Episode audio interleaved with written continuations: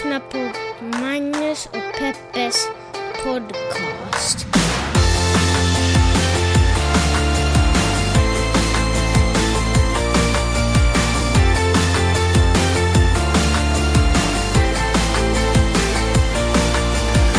Hallå internet! Hur är läget? Hoppas ni har sovit gott. Klockan är sex på morgonen här i Santa Monica, Los Angeles. Eh, och det här är en del av en ny strategi, nämligen att göra podd medan barn sover.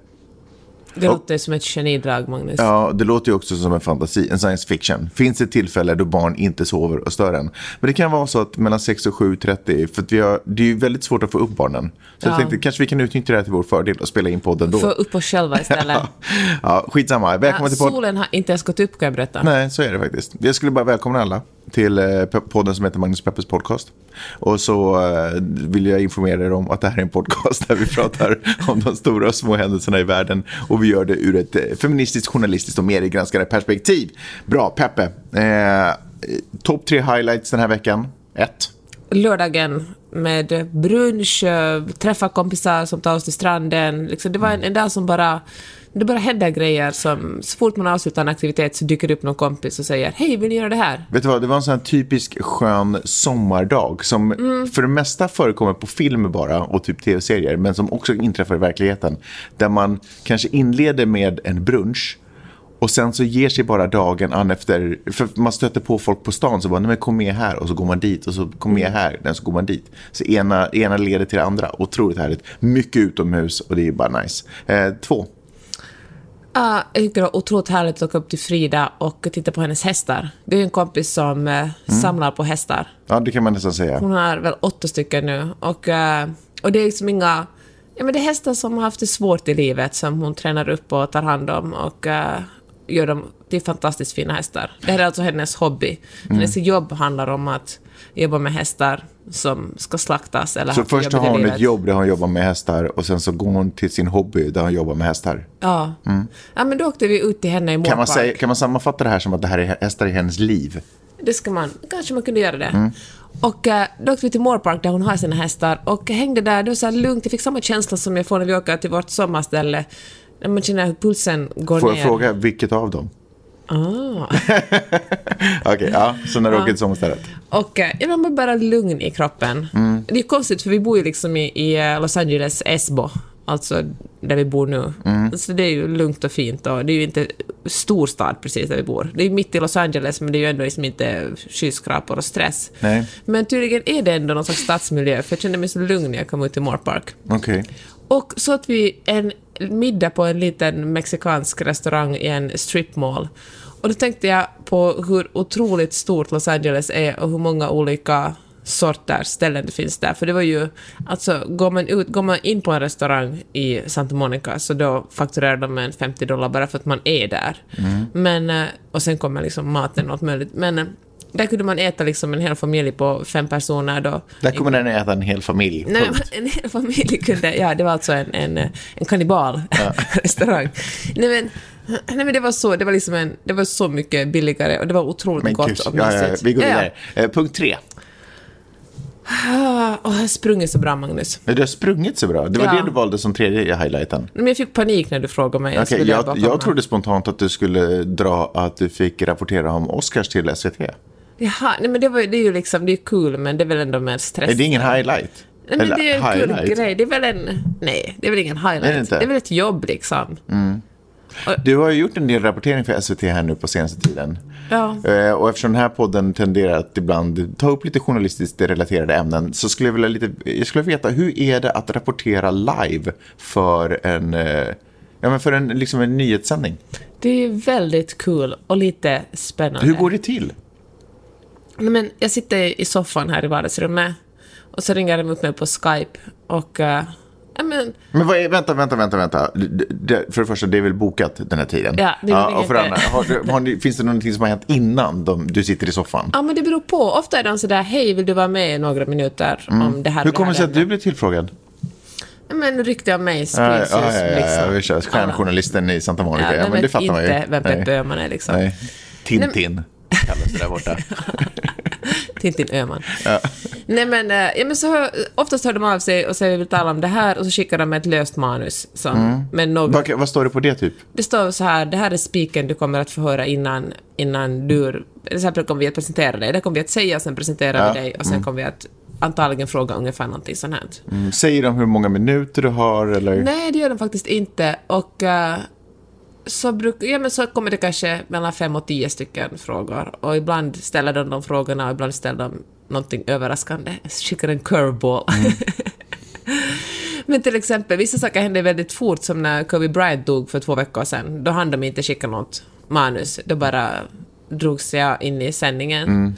Det var lite Med för... tur att det ändå var ett av dina expertområden. Så att, Tur att det var basket. Ja, så, så du kände dig trygg och lugn i den Ja, situationen. verkligen. Mammas gata. Men nu så, nu så var det lite förberedande. Fick du liksom frågor eller lite sådär, eh, lite punkter på det, eh, Ja, bullets ungefär? men Det här typ kommer vi det. prata om. Ja. så du visste ungefär vad du skulle foka Jag på. hade förberett mig på det. Mm. Och det är väldigt kul, för då får man liksom dyka ner ett ämne. Jag tror faktiskt inte vi hade tittat så noga på Oscars annars. Nej. Du, ja, vi hade ju inte följt med sändningen. Jag hade i alla fall inte gjort det. Jag är inte så intresserad. Men hör du, var det intre... men var det, är det kul alltså att göra...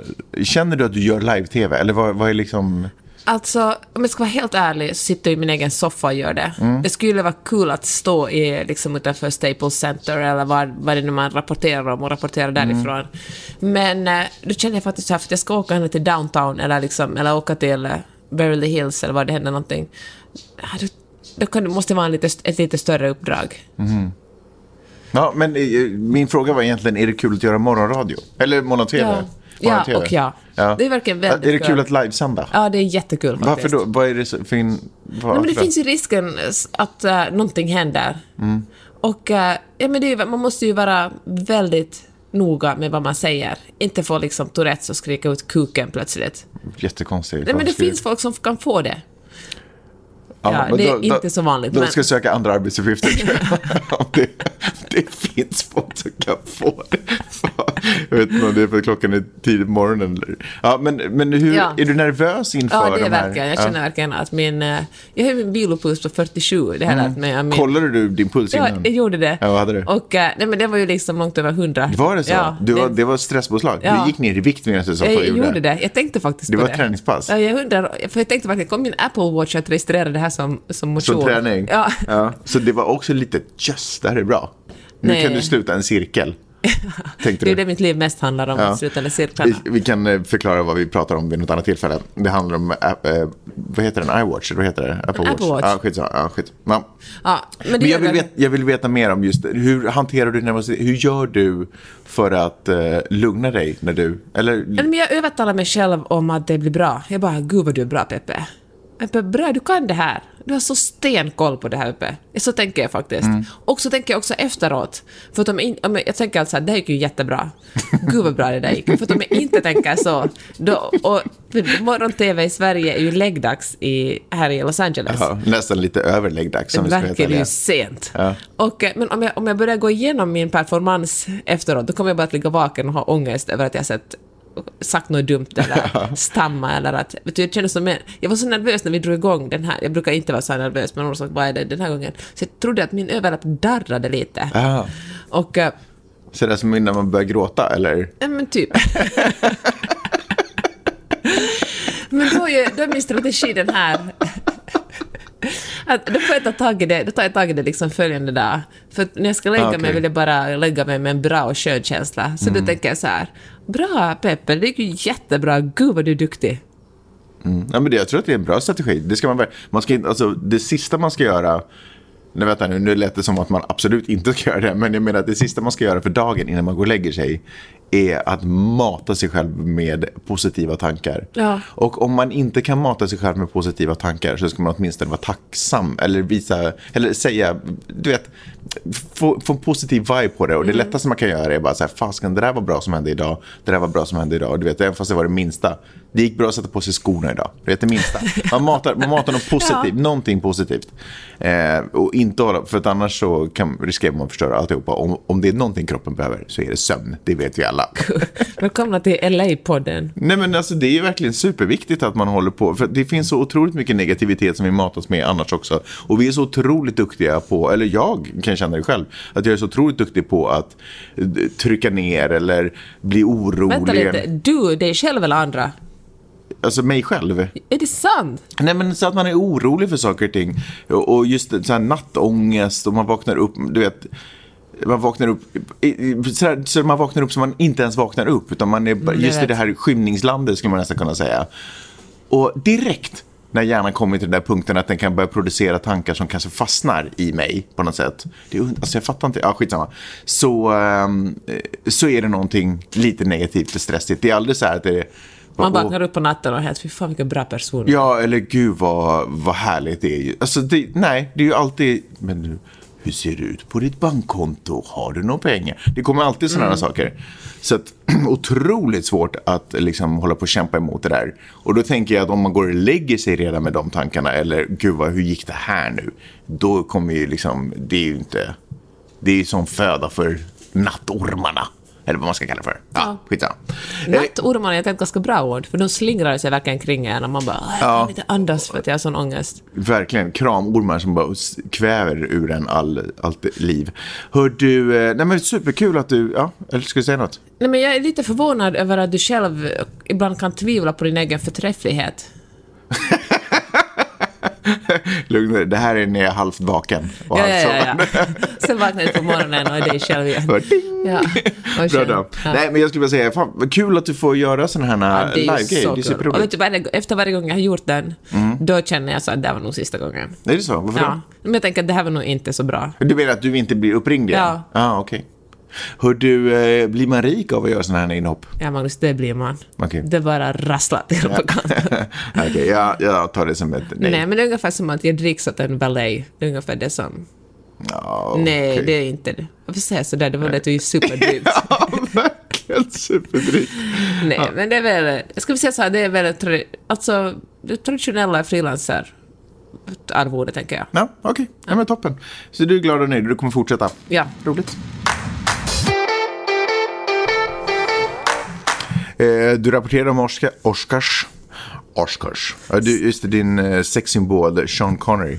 Så roligt att du har en hang-up på just Sean Connery. Jag har. Det finns en massa män jag tycker är snygga och karismatiska. vet, du, vet, du, vet du varför jag, vill, varför jag gärna drar upp Sean Connery? Nå, Alltså, Du tänker så här, åh Magnus har en hang-up, han är svartsjuk, han tycker att det är obehagligt att jag eh, tänder på äldre män. Nej, det har ingenting med det att Jag göra. vill bara säga att jag tänder inte på äldre män. Ingenting illa mot äldre män, men traditionellt, Du vet ju att jag är en, något av en äldre man. du är två. jag, Jaha, du, ja, du tänkte i förhållandevis. En äldre man är alltid förhållandevis. Så en 18-åring är en äldre man i förhållande till en 15-åring. Nej, nu snurrar du till det Peppe. Äldre män är ju alltid gamla helst. man. Men, Ja, ja, ja. Ja, skitsamma. Eh, nej, det har ingenting med det att göra i alla fall. Vet du varför jag gärna tycker om att prata om Sean Connery? Nej. För då, får jag, då försöker jag smyga in ett tillfälle där jag kan få göra min Sean Connery impression. gör det Så då. nämligen går så här. nu är det lite morgonhals här, men... My name is Bond. James Bond. På tal om att det varit Oscars, Oscars, herregud jag har svårt att säga det ordet, Oscars i helgen, ska vi prata lite Oscars? Det är ju en eh, sjukt stor händelse. Alltså egentligen, jag tror eh, att jag var den enda i Los Angeles-området som inte såg någonting av Oscars. Men det är omöjligt att inte ha snappat upp vad som har hänt och vad som var stora. Jag pallar bara inte stå och titta på samma ansikten som jag precis såg på film. Så känner jag. Alltså, award season börjar ju redan i november Mhm. och sen bygger det upp med liksom mindre prisutdelningar. Japp. Och sen eh, kulminerar allt Mm. i Oscars. Några stora grejer den här uh, Oscarsgalan eh, var A. Det var ingen presentatör, eller vad heter det, programledare? Värd. Värd. Eh, I år. Eh, det är ju lite konstigt, eller? Nej, jag vet faktiskt inte det. Förra året skulle de ju haft en värld. Men man vill ju ha någon som står och skämtar, det är väl halva showen. Men Vad får ska man bara få stå och titta på få folk? ge en bakgrund bakom Jaha, mm. det, för alla kanske inte är så insatta. Förra året skulle Kevin Hart ha varit värd. Mm. Men eftersom han har skrivit, alltså för länge sedan skrev han väldigt homofobiska tweets. Och uh, då ville man att han skulle be om ursäkt Mm. Och han för det här. pallade inte be om ursäkt för det Ja. igen. Ja, vad tycker du förresten om det? Kan vi ta en Nej, men han pallade inte be om ursäkt för det igen. Det där är bara bullshit. Det, vadå? Alltså, ja, det var inte så snyggt skrivet. Förkastligt, vidrigt, eller till exempel, kanske. Eh, så det, det är liksom grundplåten. Men för det första, det var skitlänge sedan. Människor förändras. Eh, att- och det har han förklarat, att det där var vidrigt skrivet. Eh, människor förändras. Han har förändrats, han ser inte på saker och ting på samma sätt. Ibland säger man också saker bara för att verka cool. Och, och så är det inte coolt. Och så blir det en flopp. Liksom. Så han har redan gjort Fast det där argumentet håller. Alltså, det nej, nej, jag vet, nej, jag vet. Men han har, för, han har bett om ursäkt Mm. för det här för länge sedan. Det här var liksom redan ut. Sen kommer den upp nu igen. Därför att det blir, eh, därför att han är aktuell i och med Oscarsgrejen. Ja. Och så liksom dras det upp igen. Ska man hålla på och be om ursäkt om och om igen bara för att folk surfar runt på Twitter? Alltså det är jättekonstigt. Alltså folk som läser tweets kan inte få bestämma dagordningen. Det är liksom på det sättet. Det, jag tycker det är helt absurt. Fast han är ju kan en man ta bort tweets? Eh, ja, men, det, men allt som du har skrivit på internet Ja, men så här, finnas om- kvar. Det finns ju tusen Jo, jag vet, screenshots. fast det är så selektivt det här läsandet. Man väljer att bara läsa de här. För de, ursäkterna finns ju också där ute. Men de väljer man inte att läsa. Fast, ja, fast jag tänker just så här, att skoja om homosexuella som ändå är en grupp människor. Ja, men det var ju för länge sedan. Men slaveri var ju också för länge men men man ska ju... vi också var- varje år be om ursäkt för det? Nej, men jag tänker Det så gör här... ju ingenting bättre. Men hur... Mm, fast det, hur svårt är det att säga? Nu, Eftersom han ändå... Det är ju, han ska ju stå på en scen och ha miljoner människor som tittar på honom. Ja, men han har ju redan bett om ursäkt för Tänk om vi skulle ha en, en, ett bråk. Ja. Jag säger något förkastligt, du bara ber om ursäkt för det. Jag bara fuck, förlåt, där- jag ber om ursäkt för det där. Och sen veckan efter, du Magnus, be om ursäkt för det där du sa. Man bara, men eh, gjorde inte jag det förra veckan? Fast, nej men då skulle du tala på en, eh, en då skulle du tala framför en massa, för jag tycker det faktiskt inte stämmer, jag tycker att du ska stå på en scen och, för, som Varför- du, och tala på en massa, nej men jag tycker att det är liksom, om det är folk som har Alltså, alltså, har sagt någonting, hur svårt är det att säga jag ber om ursäkt för det? Han kommer, men, han har ju redan gjort det. Men eh, hur kan det svårt är det att säga en gång till, för nu har han det här otroligt prestigefyllda uppdraget. Ja, jag kan förstå att han blir upprörd över att han om och om måste be om ursäkt för någonting som han redan har bett om, som inte ens, som inte ens passar in i hans personlighet längre i det uttalandet. Om han, Ja, om gång jag kan, jag kan hålla med dig det. så här, alltså internet är otroligt hårt. Alltså man Men får det inte sit- ta, vänta lite, det Ja. är som cancel culture, du får liksom inte ta, du får inte göra minsta lilla misstag för att, och för då blir du lynchad.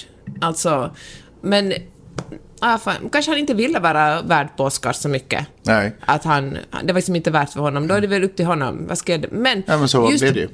Ja, och det gick ju bra. Alltså de hade ju högre tittarsiffror än tidigare. Oscars tittarsiffror har gått ner många år. Men det här, vänta, det här var ju förra Ja, året. och då Ja. hade de, då liksom gick tittarsiffrorna upp och därför var Oscar-akademin såhär, fan, vi Mm. testar ett år till eftersom folk verkar gilla det här. Men det som är intressant... Ja, vänta, så det var ingen värd... Det var väl någon annan som tog över värdskapet förra året? nej, förra året var det ingen som var värd. Och därför testade de det här konceptet en gång till nu. Och det gick jättebra. Det blev också lite kortare. Ofta brukar det vara väldigt lång, alltså nästan tre timmar lång Mm. det här. Och nu liksom kunde man korta ner det lite eftersom man inte hade en värld. Aj, Hur som helst, får jag bara ja. säga en sak, just i anknytning till det här att äh, skriva liksom homofobiska tweets. Eminem uppträdde ju med Lose Yourself på Mm-hmm. galan. Och äh, han fick en Oscar för den här låten som bästa originallåt 2003. Filmen kom Mm, något 2002, han fick den Ja. 2003. Och äh, det här verkar nästan en, men en överraskning. Folk var minst sagt överraskade i publiken. Mycket delade meningar om det var bra att han uppträdde eller inte. Men han, springer, skriver, han sjunger mycket om faggots i, i sina låtar. Och då kan man tycka att det är spännande att, äh, att Kevin Hart inte får uppträda. Han får mycket kritik för, sitt uppträ- för sina tweets för länge sedan. Herregud. men de har en annan... Upp- Nej, men det är faktiskt kanske det är inte vår sak som superheterosexuella människor att bestämma hur illa upp folk Nej, ska ta det stämmer ju förstås. Det stämmer ju förstås. Men, eh, ja, nej. Fine, Men jag, jag ser whatever. liksom att det är finns... Men jag är ju på din sida här nu, Magnus, Ja. i den här diskussionen. Att då låter man, då låter man Eminem uppträda med liksom med ord som faggot, Mm. när Kevin Hart liksom inte... Eller han skulle ha fått uppträda om han hade bett om ursäkt. Jag tror inte att det ordet finns med i låten Lose Yourself i och för sig. Men... Ja, okej. Ja, men du kan ju faktiskt. Jag är inte ironisk, du kan ju säkert. Du kan ju dra det nu. jag tror faktiskt inte att det är... Ja, skitsamma. Whatever. Ja. Det var mycket bipad i alla fall. Ja, det var den säkert. Men det var nog kanske inte just... Ah, Okej, skitsamma. Eh, men ändå, ja precis, för det hörde jag också att Eminem uppträdde där och, och just att det var så okommenterat. Därför att det fanns ingen host som kom, kunde kommentera varför plötsligt Eminem poppade upp. Eh, alltså, ut, när det inte fanns någon host så, så har jag hört vittnesmål om att den kändes liksom vinglig, galan. Du vet, för att man... Man vill att men- någon ska ta hand om en. Men det beror inte på att det nödvändigtvis var det. Det bara bero, kan ju bara bero på hur den uppfattades. Därför att folk är vana vid att någon styr vidare hela Mm. tiden. Eller eh, kommenterar knas som uppstår. Mm. Eller du vet att det finns någon, eh, ja, vet, någon att, en axel att luta sig mot. Mm. För mig som åskådare så är ju Oscarsgalans host 80% av varför jag tittar på det. Hur sköter Chris Rock sig? Hur, sköter, hur skulle Kevin Hart ha skött sig? Det är ju det jag vill, typ vill se. Det andra är ju exakt... Mm. Men som får pris är bara utfyllnad. Nej, men det är liksom. exakt Men kanske samma ska gå på sak som varje år. stand-up istället. Ja, nej men 100 procent. Men för att prisutdelningen som sådan är ju... Det, den har ju inte utvecklats. Det är ju exakt samma som det alltid har varit. Det är bara nya ansikten. Men det är just det att det inte ens är nya ansikten. Det är samma, Ja. människa, samma gubbar som får ge priser åt varandra. Borderline, så är det ju förstås. Ehm, hörde att Scorsese somnade, eller satt och sov i stolen. När Eminem uppträdde. Bland annat. Eller ja, precis. Ja, men det kan man ju fatta. Det är ju sent på kvällen och han är en gammal man. Ja, sant. Ehm, ja, tur att han sov i alla fall och att han inte dog. Men gud vad... det är inget att skratta åt, men, men kanske man får skratta eftersom han inte dog. Men alltså, fan vad jobbigt att sitta där och man känner, du vet när man är lite jetlaggad, man känner en våg komma. Man bara, jag ska bara sluta ögonen Mm. Ja. lite, och sen bara rycker man till. Ja. Och så har man ABC som filmar en. Måste de filma just då? Ja. Eh, tycker du om Oscarsgalan som koncept?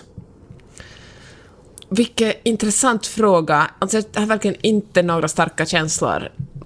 Alltså, det är ju en legendarisk gala som... Eh, ja, men... Ja, den håller ju uppe en hel bransch, kan man väl säga. Oscarsgalan, eh, det var någon annan podd som har klippt det som nämnde det på det här sättet, men Oscarsgalan är ju USAs svar på Nobelpriset. Det är ju galaklänningar, Ja. du vet, det är ju verkligen stort. Så i det här landet så tror jag att den, det behövs. Ja, det säger mycket om kulturen i ett land, tänker du. Här är liksom Det säger mycket om, eh, populärkultur. det säger mycket om DNA i det här landet, tycker jag. Hur Att, då? nej men att det här är den typen av sak som hyllar, alltså som- det är så, du vet, att dela ut filmpriser, det är det som lockar till gala. Du menar i Finland? Eller- ja, jag förstår. Nej, men du I förstår, Finland vi har sitter man, eh, sitter det- man och tittar på självständighetsdagsfesten, som egentligen bara handlar om att människor skakar gud, hand med varandra i tre timmar. Vilken I- i spontanspaning. man Kolla. Finlands identitet.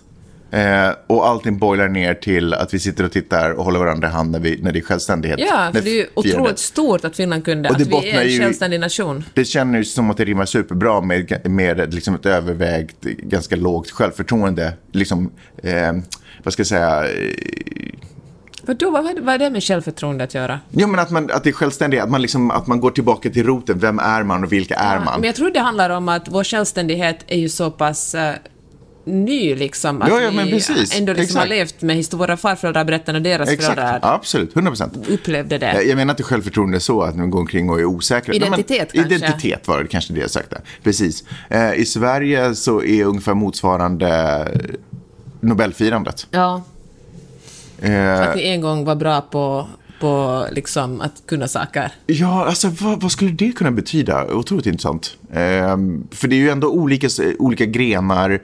Men det, det går ju också ändå lite ihop med att kungen är där. Att det finns någon form Ah, av sån här nationell... eh, som... Allt som kungen är med på gillar ni. Ja. ja, jag vet inte, jag ska fundera på det. Och sen, eh, men sen så tittar man på USA och så har man liksom Oscarsgalan. På något sätt eh, kulmen av... Alltså det finns ju naturligtvis i grunden ett konstnärligt uttryck, men jag känner inte riktigt nödvändigtvis att... Jo, det är väl Fast det har väl ett jättestarkt Jo, det väl. konstnärligt. Också samtidskommenterande. Helt ärligt, alltså jag... Alltså själva prisutdelningen av film, att man hyllar film, filmkonsten, ty, har jag ju inga problem med. Eh, jag tycker det är fint att man, upplyf, att man lyfter upp konst Eh, i alla former och, och, och på något sätt dissekerar den och hyllar de som har tagit ett steg vidare på något sätt i, i utförandet av det. Jag tror att det är bara människorna där. För på något sätt när de sen är där, de här, alla de här skådespelarna, när de är där i sina galaklänningar eh, och, och kavajer, höll jag säger säga, men eh, frack och alltihopa. Så då är det som att de inte representerar längre det där konstuttrycket, utan då representerar de bara sig själva och en, en yta på något sätt. De blir influencers, tänker Då, du? blir, då är de där som influ- det, Precis, det är en, exakt, tack. Och det tycker inte jag är så kul. Ja.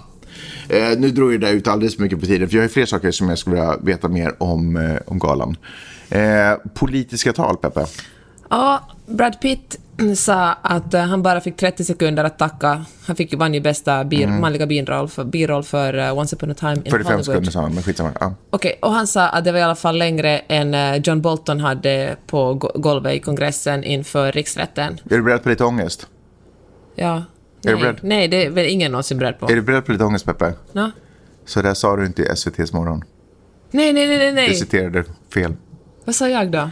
Du sa att eh, han fick 45 sekunder och det var lika mycket som Bolton hade fått i, i kongressen och sånt. Åh nej, sa jag så? Att det var någonting sånt. Jag bara, Åh, shit det där. Men de rättade inte, vilket jag också tyckte var konstigt. Men skitsamma.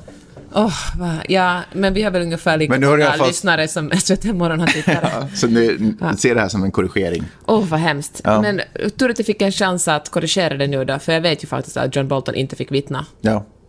Bra. Ja, och, ehm, och så talar eh, Joaquin Phoenix om eh, att vi borde sluta dricka mjölk. Att vi borde sluta dricka mjölk. Ja. Mm. Han hade ju på Bafta, tror jag det var, snackat om att eh, svarta det. borde inkluderas mer i... Eh, och Oscars hade väl inte varit ett dumt tillfälle för det heller. Jag vet inte. Men eh, då, där ville han foka på mjölk. Vad var det med mjölken då? Han sa Pratar han vänta om, om eh, komjölk eller pratar om all form av mjölk? om uh, komjölk. Nej, men Mm. han sa att det är ju ett sjukt... eh, alltså vår kultur är ju galen. Vi liksom inseminerar med våld andra levande varelser. Och sen när de eh, föder så då tar vi bort deras barn och eh, dricker deras mjölk. Visst är det ju ganska sjukt? Mm. Alltså om man ser det på det sättet. When you put it like that. Ja. Nej, jag tror verkligen, vi har sagt, jag har sagt tusen gånger på det, men jag tror verkligen att när man ser tillbaka på den här tiden kommer vi tycka att vi är så otroligt barbariska. Mm. Hur fan kunde man hålla på på det sättet? Han hade inte mycket mer än tagit emot priset innan han ruschade iväg till en, eh, tror jag, en grisfarm och liknande och protes- protesterade för någonting där utanför. Ja. Det är hans nya grej. Han gjorde reklam för Meatless Meat också. Kan jag säga bara en sak om när du kommer till eh, Joaquin Phoenix? Mm. Han, han känns inte så stabil. Det ser du bara på grund av Joker. Eh, nej, jag säger också på grund av tidigare framföranden som han har gjort och liksom tidigare intervjuer. Han är på något sätt hela tiden in the art. Jag kan ta, ta honom seriöst. Nu står Men han heller... han säger någonting otroligt viktigt. Han, han stal var säkert det viktigaste på hela kvällen. Samma sak på Bafta. Jo, jag vet. Eh, och det, och Att få en det, chans när hela världen, alltså miljoner och miljoner människor lyssnar och väldigt inflytelserika och människor det är ju lyssnar. verkligen inte att förringa. Det är ju superfint att han gör det. Problemet med mig är du vet, när någon har hållit på och ljugit och använt media för, att, för sitt eget konstnärliga uttryck så många gånger så vet inte jag om jag tittar på ett riktigt budskap eller om jag tittar på en performance. Förstår du vad jag menar? Det tar inte bort Men det är ju budskap. jättekonstigt du inte ser skillnad på vad som är en film och vad som är riktiga Nej, människor. nej, men han har ju också intervjusituationer gjort. Kommer du inte ihåg när han, eh, det här var inte hemskt många år efter att han hade gjort Gladiator som var väl hans genombrott om jag inte minns helt fel. Eh, så då, då var han sådär, åh jag ska lägga ner film och så var han någon form av konstig persona i mm. intervju.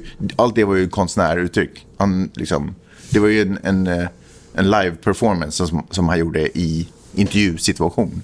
Förstår du vad jag menar? Han gick in i någon form av Jag karaktär. förstår, men uh, fan, jag tycker att uh, han har väl också rätt att experimentera. Varför tror du att han bara hittar på det här med att det är samma Mm. Spelar eller väl ingen roll. rasism Det- inom branschen? Det spelar ingen roll eh, om han har gjort det eller om det är en del av, ett, av en show. För att det är fortfarande bud, ett, Ja. ett viktigt budskap.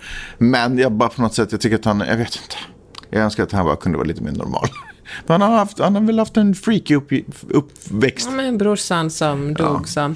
Men hör du, fan, nu kan jag inte släppa det där jag sa i morgonstudion. Jaha, men förs, försök släppa det. Vi går på highlighten, eller den stora boomen Mm. som det pratas om. Nämligen att för första gången i världshistorien så vinner en utländsk film Mm.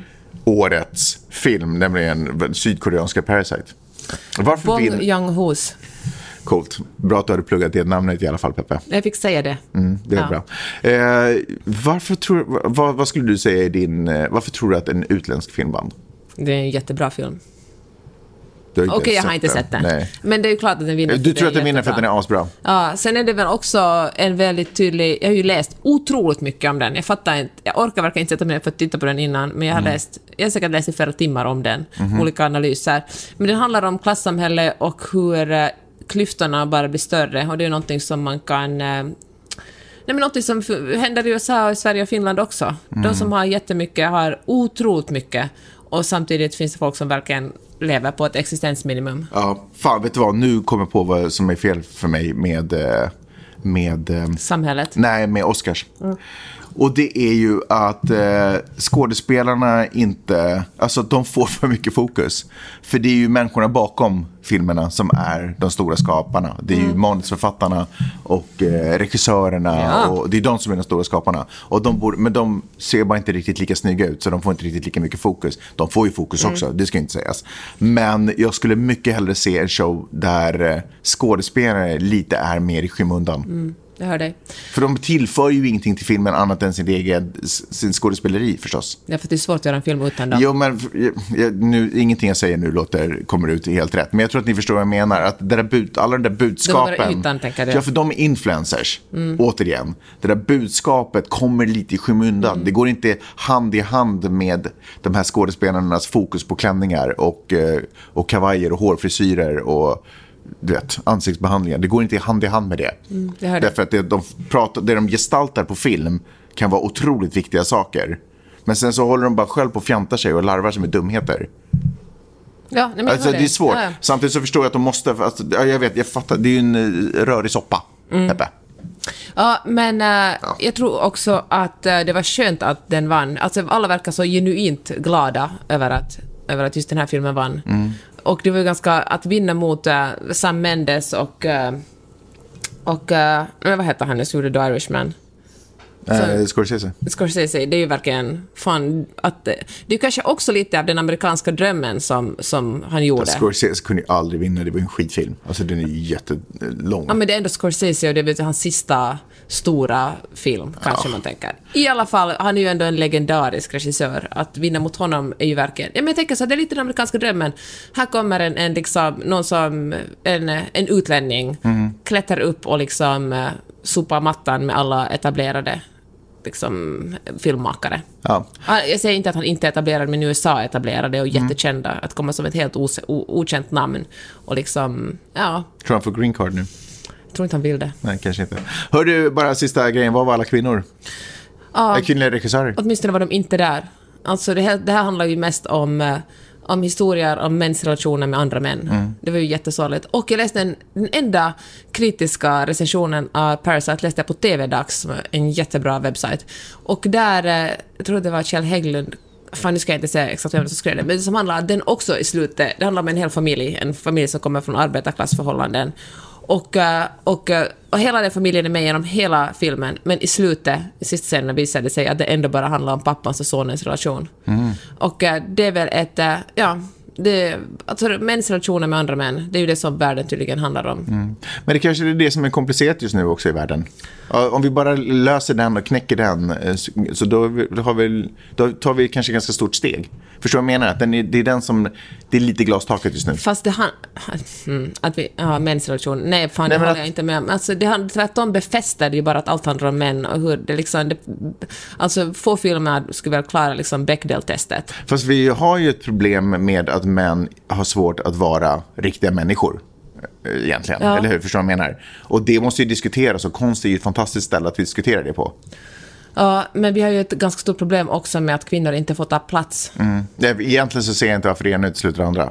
Ja, jag tycker i alla fall att... eh, ja, men eh, lite mera än andra, än liksom bara vita män Mm. på filmdukarna bakom. Vill du kommentera Natalie Portmans klänning? Ja, hon hade ju en, en, det var ingen klänning, det var en cape, alltså någon slags Ja, just det, där hon hade Ja. med guld broderat in eh, kvinnliga som har- regissörers namn. Ja, just det. Ja, fortsätt. Ja. som eh, inte hade blivit nominerade, men som tycker att var värda nomineringar. Är, det, är det ett politiskt statement som man är så här, oh, shit, damn, nailed it. Ja, men man behöver kanske inte vara så dramatisk. Alltså, alla snackar ju om den ändå. Mm.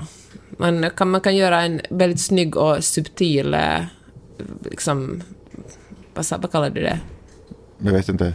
Ja, men påpeka, man behöver liksom inte kanske alltid bränna upp någonting när man liksom vill få sin röst hörd. Hon Mm. lyckades ju bra med att, med att folk ändå diskuterar. Var det där en referens till bhn Nej. som brändes? När då? Vadå? Vilken bh? 60-talet, du sa att man inte behöver bränna upp någonting. Kommer du ihåg man brände Jaha, bh ja, på? ja, nej, det har fått, ja, nej, men jag tänkte att man behöver liksom inte, jag tänkte faktiskt på franska bönder som bränner upp grejer på vägar när jag sa bränna. Men det finns många sätt att protestera. Mm, det gör det. Ska vi lämna Oscars? Yes. Tack du ha. Coronaviruset fortsätter ju att skrämma och chocka världen. Förra veckan, så, eller förra veckan, för, sen förra avsnittet ska vi kanske säga, eh, så, eh, så lät jag ju er höra att jag tycker att allt det här är överdrivet. Nej, men chillaxa, skulle jag vilja säga. Ehm, och så där är jag fortfarande. Nej, men för jag, jag, jag, känner att jag ändå vill prata om det. Mm. För att det, det, verkar vara så många som är rädda. Jag klippte precis en podd. Eh, där var 50% av podden så här. Åh, shit, det är ju fruktansvärt. Nu är det alltså 40 000 fall. Eh, och jag, går, när, om, när jag, googlade, jag googlade coronavirus, då står det så här, CNN, coronavirus live updates, kolon, death toll surpasses 1000 uh, in a day, eller vad, eller vad det kan vara. Nej, det är det ju förstås Nej, inte. sen början. Ja. Uh, NBC News, Uh, coronavirus updates, kolon, death toll tops 1000 in China. Och så orkar jag inte läsa vidare. Eh, de här skräck, det här och, och följ live sekund för sekund Men vad som händer. Borde man, borde man då fokusera mer på hur Kina hanterar det här då? Jag menar som att den här läkaren som eh, slog larm om coronaviruset, han dog ju själv i det. Får jag bara fortsätta lite ta på min rant här så ska mm. vi, det har, du, det har du förstås rätt i. Men min rant här, jag går in på CDC .gov som är alltså Center for Disease Control and Prevention. Det här är amerikanskt, eh, ett amerikanskt mm. organ. Eh, och för att liksom få lite uppdateringar om hur det ser ut i USA. Statistiskt, mm. du vet, statistik. Eh, totalt, uh, people, under, uh, people under investigation in the United States. Totalt 398 personer. Man bara, holy smokes. Uh, pending, folk som man fortfarande inte har fått svar, är 68. Uh, som har bekräftats positiva 12 och bekräftats negativa 318 av 398. Det är ganska övervägande. Alltså jag håller med dig om att man kanske inte ska vara rädd, men en orsak till att man har kunnat kontrollera det här viruset handlar ju kanske om mediebevakningen. Uh, uh, nej, det har att göra med hur myndigheter samarbetar över landsgränser med varandra. Det har ju inte med media. Det är inte men det är inte man... Aftonbladet vi tackar att vi inte haft fler fall i Sverige. Jag känner så här, nej men om folk är medvetna om att, uh, hur de får... Men vi kan, alltså, vi kan, inte, på, vi kan inte hindra en pandemi eller en epidemi. Vi kan inte göra det som människor. Därför att vi springer runt och gör vår egen grej, kastar skräp i naturen. Det är vad vi gör. Vi behöver system som skyddar oss mot Men det här. Men vi kan väl ändå få vara medvetna om vad som händer? Jo, det och kan... vi ska tvätta händerna lite extra noga. Fast vet du, återigen som jag sa förra veckan, alltså, när vi, jag, alltså anledningen till att jag vill eh, ta upp det här igen är för att statistiken har ju förändrats. Nu mm. är den ju ännu Nu är det 40 000 bekräftade fall. Ja. Okej, okay? 40 000 bekräftade fall. Det låter ju helt sinnessjukt. Det finns på två, tre kontinenter. Eh, kanske till och med för fler. Eh, mm. eh, så. Eh, och, eh, och Death Toll, fick vi höra här, har stigit till över 1000. Det betyder en dödsrate på 2,5 procent. Det är liksom 40, vet du vad? Om 40 000 var en pandemi, då skulle du och jag ha en pandemipodd. Förstår? Alltså det är inte så, vi, vi är åtta miljarder människor på den här jorden. Det här är inte så stor grej. Vet du vad, du har ju en, eh, en krönikör mm. som heter, vad heter hon nu? Emma Frans, mm. som du gillar. Mm. Hon eller, vi, ja. eller vadå? Jag sa att vi känner varandra Jaha, och jag gillar henne. Ja, men skitsamma. Men hon skriver så här. Felaktig fakta om coronavirus kan få förödande effekter. Sjukdomsutbrott innebär nya utmaningar i dagens digitala värld. Vi måste inte bara motverka en epidemi utan också stoppa spridningen av en infodemi. Mm. Otroligt intressant eh, begrepp. Infodemi är faktiskt det. Och om det är någonting som WHO har gått ut och varnat för så är det just också för en mm. infodemi. Alltså vi måste lära oss att hantera information och tol eller vi måste lära oss att tolka information. Det är egentligen inte fel på, precis som ja, du sa. Sida där, ja. Det är inte fel på informationsspridning, men om man sprider inte information till människor som inte kan tolka eller dra korrekta slutsatser, då riskerar man ju också att starta en hysteri och man, mm. man, man riskerar ju massvis med att det kan få förödande, folk blir galna, du vet när folk blir rädda så blir de ju galna, mm. många av dem, eller många av oss.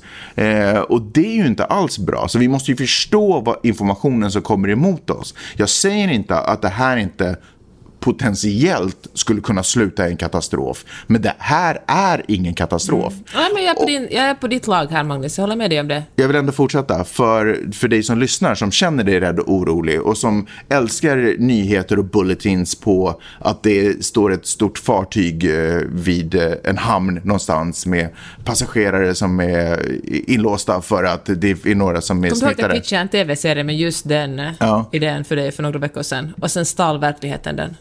Ja, precis. Fantastiskt att vi hjälps åt att sprida information om det där skeppet. Men kan vi också nu då vara lika aktiva och säga att det där skeppet är släppt nu? Att det, folk, folk får fortsätta sina normala liv. Att vi behöver inte... Vet, vet de, typ de enda som gynnas av det här just nu egentligen. För att vi gör, inget, vi gör inget bra genom att hålla på och springa runt och vara hysteriska. Så de enda som egentligen gynnas av, de här, av den här informationen just nu är ju de som säljer munskydd. Det är ju typ de stora Ja. vinnarna i dagsläget. Liksom.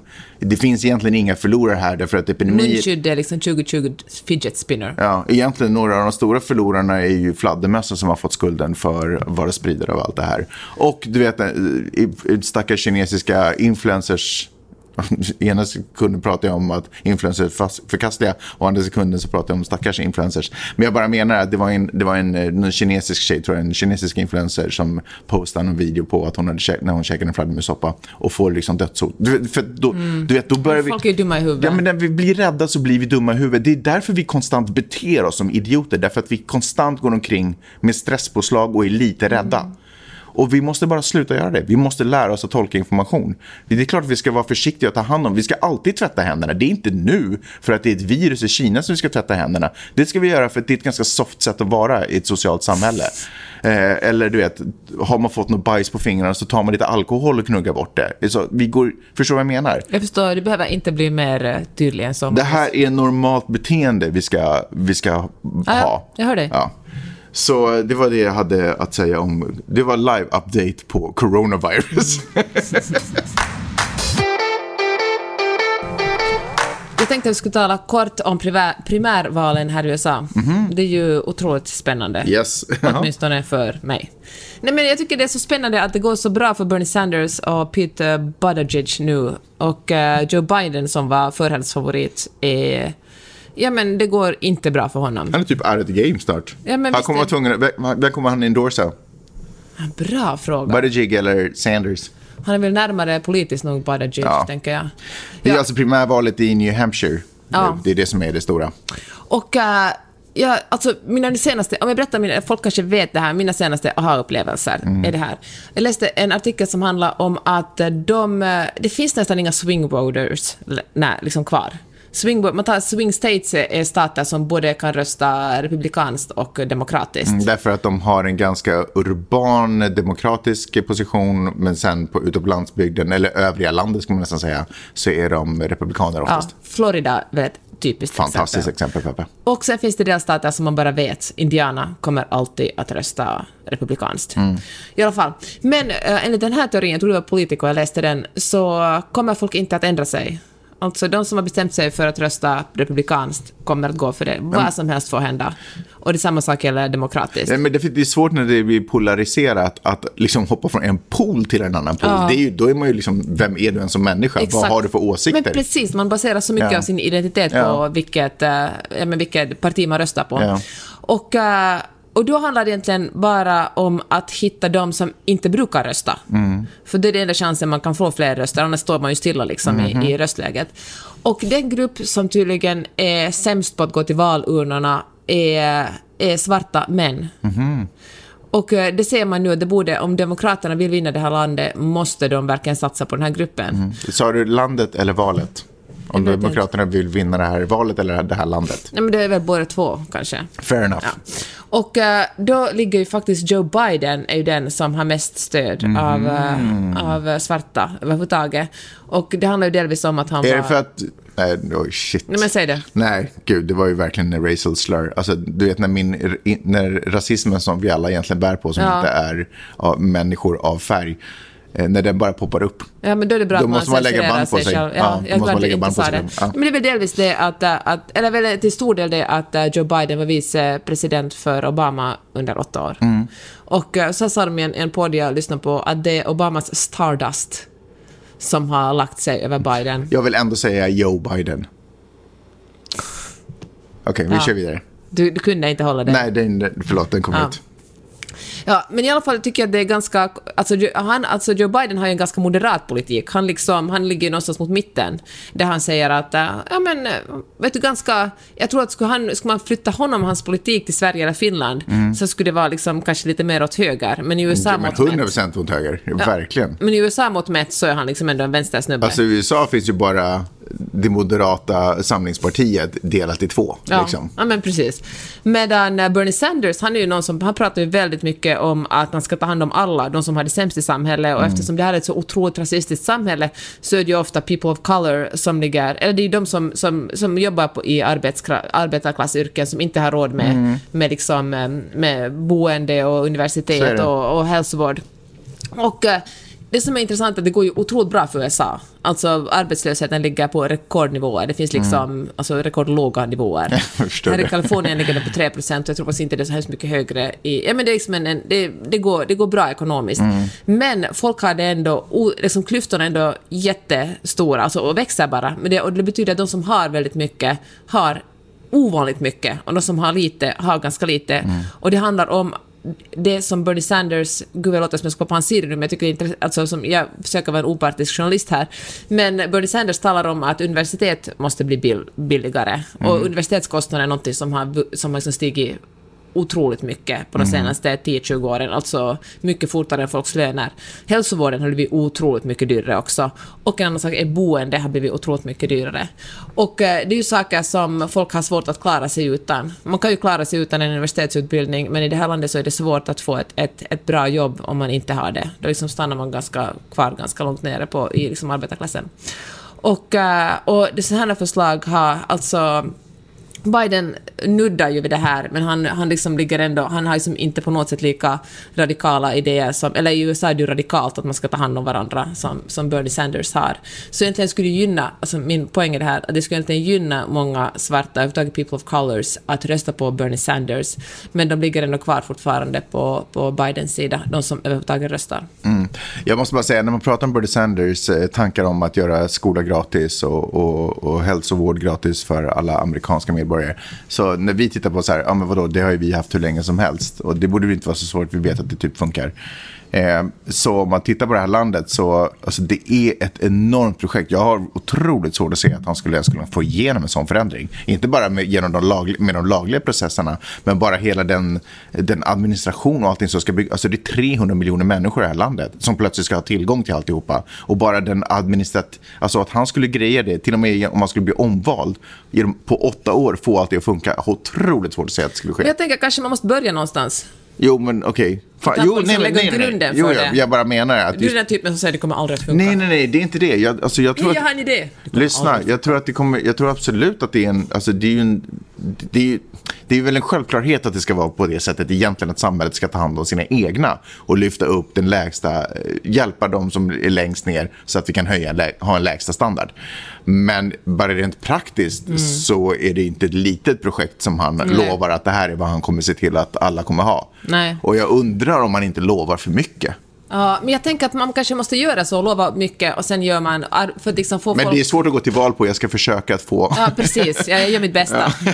Men hör du, um, uh, samtidigt får barnen att stiga upp som slutet av podden, men jag vill bara säga en sak. Tänk så, så otroligt långt vi har kommit ändå, med tanke på att uh, det som han säger och, och liksom den rörelse som han och den här uh, AOC, alltså Alexandria Ocasio-Cortez, har startat. Jag menar, för tio år sedan gick det inte att tala om socialism här, utom att folk trodde att man liksom ville tillbaka till Sovjetunionen. Ja. Medan, eller ingen, ja, medan, eh, medan nu är det ändå liksom, är det en, eh, en massa människor som ställer sig bakom de här Mm. idéerna som var liksom extrema förut. Ja. Så jag tänker att mycket kan hända på en överraskande kort tid. Och jag tänker man måste ju, för att kunna göra sådana här reformer måste man ju ha folket med sig, måste man etablera de här tankarna hos människor. Mm. Folk som till och med stod för traditionell, eller som hade traditionella socialistiska värderingar var till och med tvungna när de pratade att liksom inte använda, då fick, man får bara liksom inte använda det ordet, man måste omskriva det på Ja, något precis. sätt. Och sen de som var smarta nog kunde räkna ut, men, men man kunde Men, bara inte nämna ja. ordet. Men nu går det ju att nämna i debatter och Bernie behöver inte skämmas längre för säga socialist. Ja, han har ju snackat om det i 30-40 år. 30-40 år. I 30-40 år har han försökt etablera de här tankarna, så han har verkligen uh, jobbat länge på det. Det som man fortfarande inte får säga är welfare, eller man får säga welfare, men det är något som har väldigt mycket negativa konnotationer. Mm. Det är liksom, då är man en förlorare. Men det, jag tänker att än så länge, det man kanske på att förändras, det ordet också i Norden, men att välfärdssamhälle är något otroligt fint och som man är stolt över. Hör du, eh, förlåt, eh, backa bandet lite två sekunder. Du sa det här att, att eh, arbetslösheten aldrig varit så låg i landet som den är just nu. Var det inte du som lärde mig också att det beror på att folk signar upp som Uber-förare så skriver man att man har ett jobb fast egentligen har man ett skitigt jobb. Gig-ekonomin, ja. är- Gig-ekonomin är ju liksom någonting som... Men Ja, eftersom det är också skamfyllt att säga att man, inte, eller att man är arbetslös, Ja. att det ligger en, en sån grej där, så väljer man hellre att säga att nej, men jag jobbar som uh, Uber-förare. Ja, Och du vet, men i princip har det här inte löst en situation, det har bara putsat till statistiken. Precis, och det finns ju en massa andra sådana. Jag menar folk som kör ut eh, mat med Instacart eller folk som TaskRabbit som hjälper människor att skruva ihop IKEA-möbler och så vidare. Vi, vi förstår att det finns massa olika applikationer och sånt. Tack Peppe. Hör du, eh, bra snack. Oh, det är alltid, jag så mycket mer. Men vi får du ta det nästa Vad har, vad har du mer? Uh, nu kommer jag inte på det på Nej, arm. som jag trodde. Man, man så skrapar st- lite på dig så vet, så märker det är man. bara yta. Det är bara yta. Hör du, eh, tack så mycket, vi hörs. Det gör vi. Ha det bra! Hej. Hej!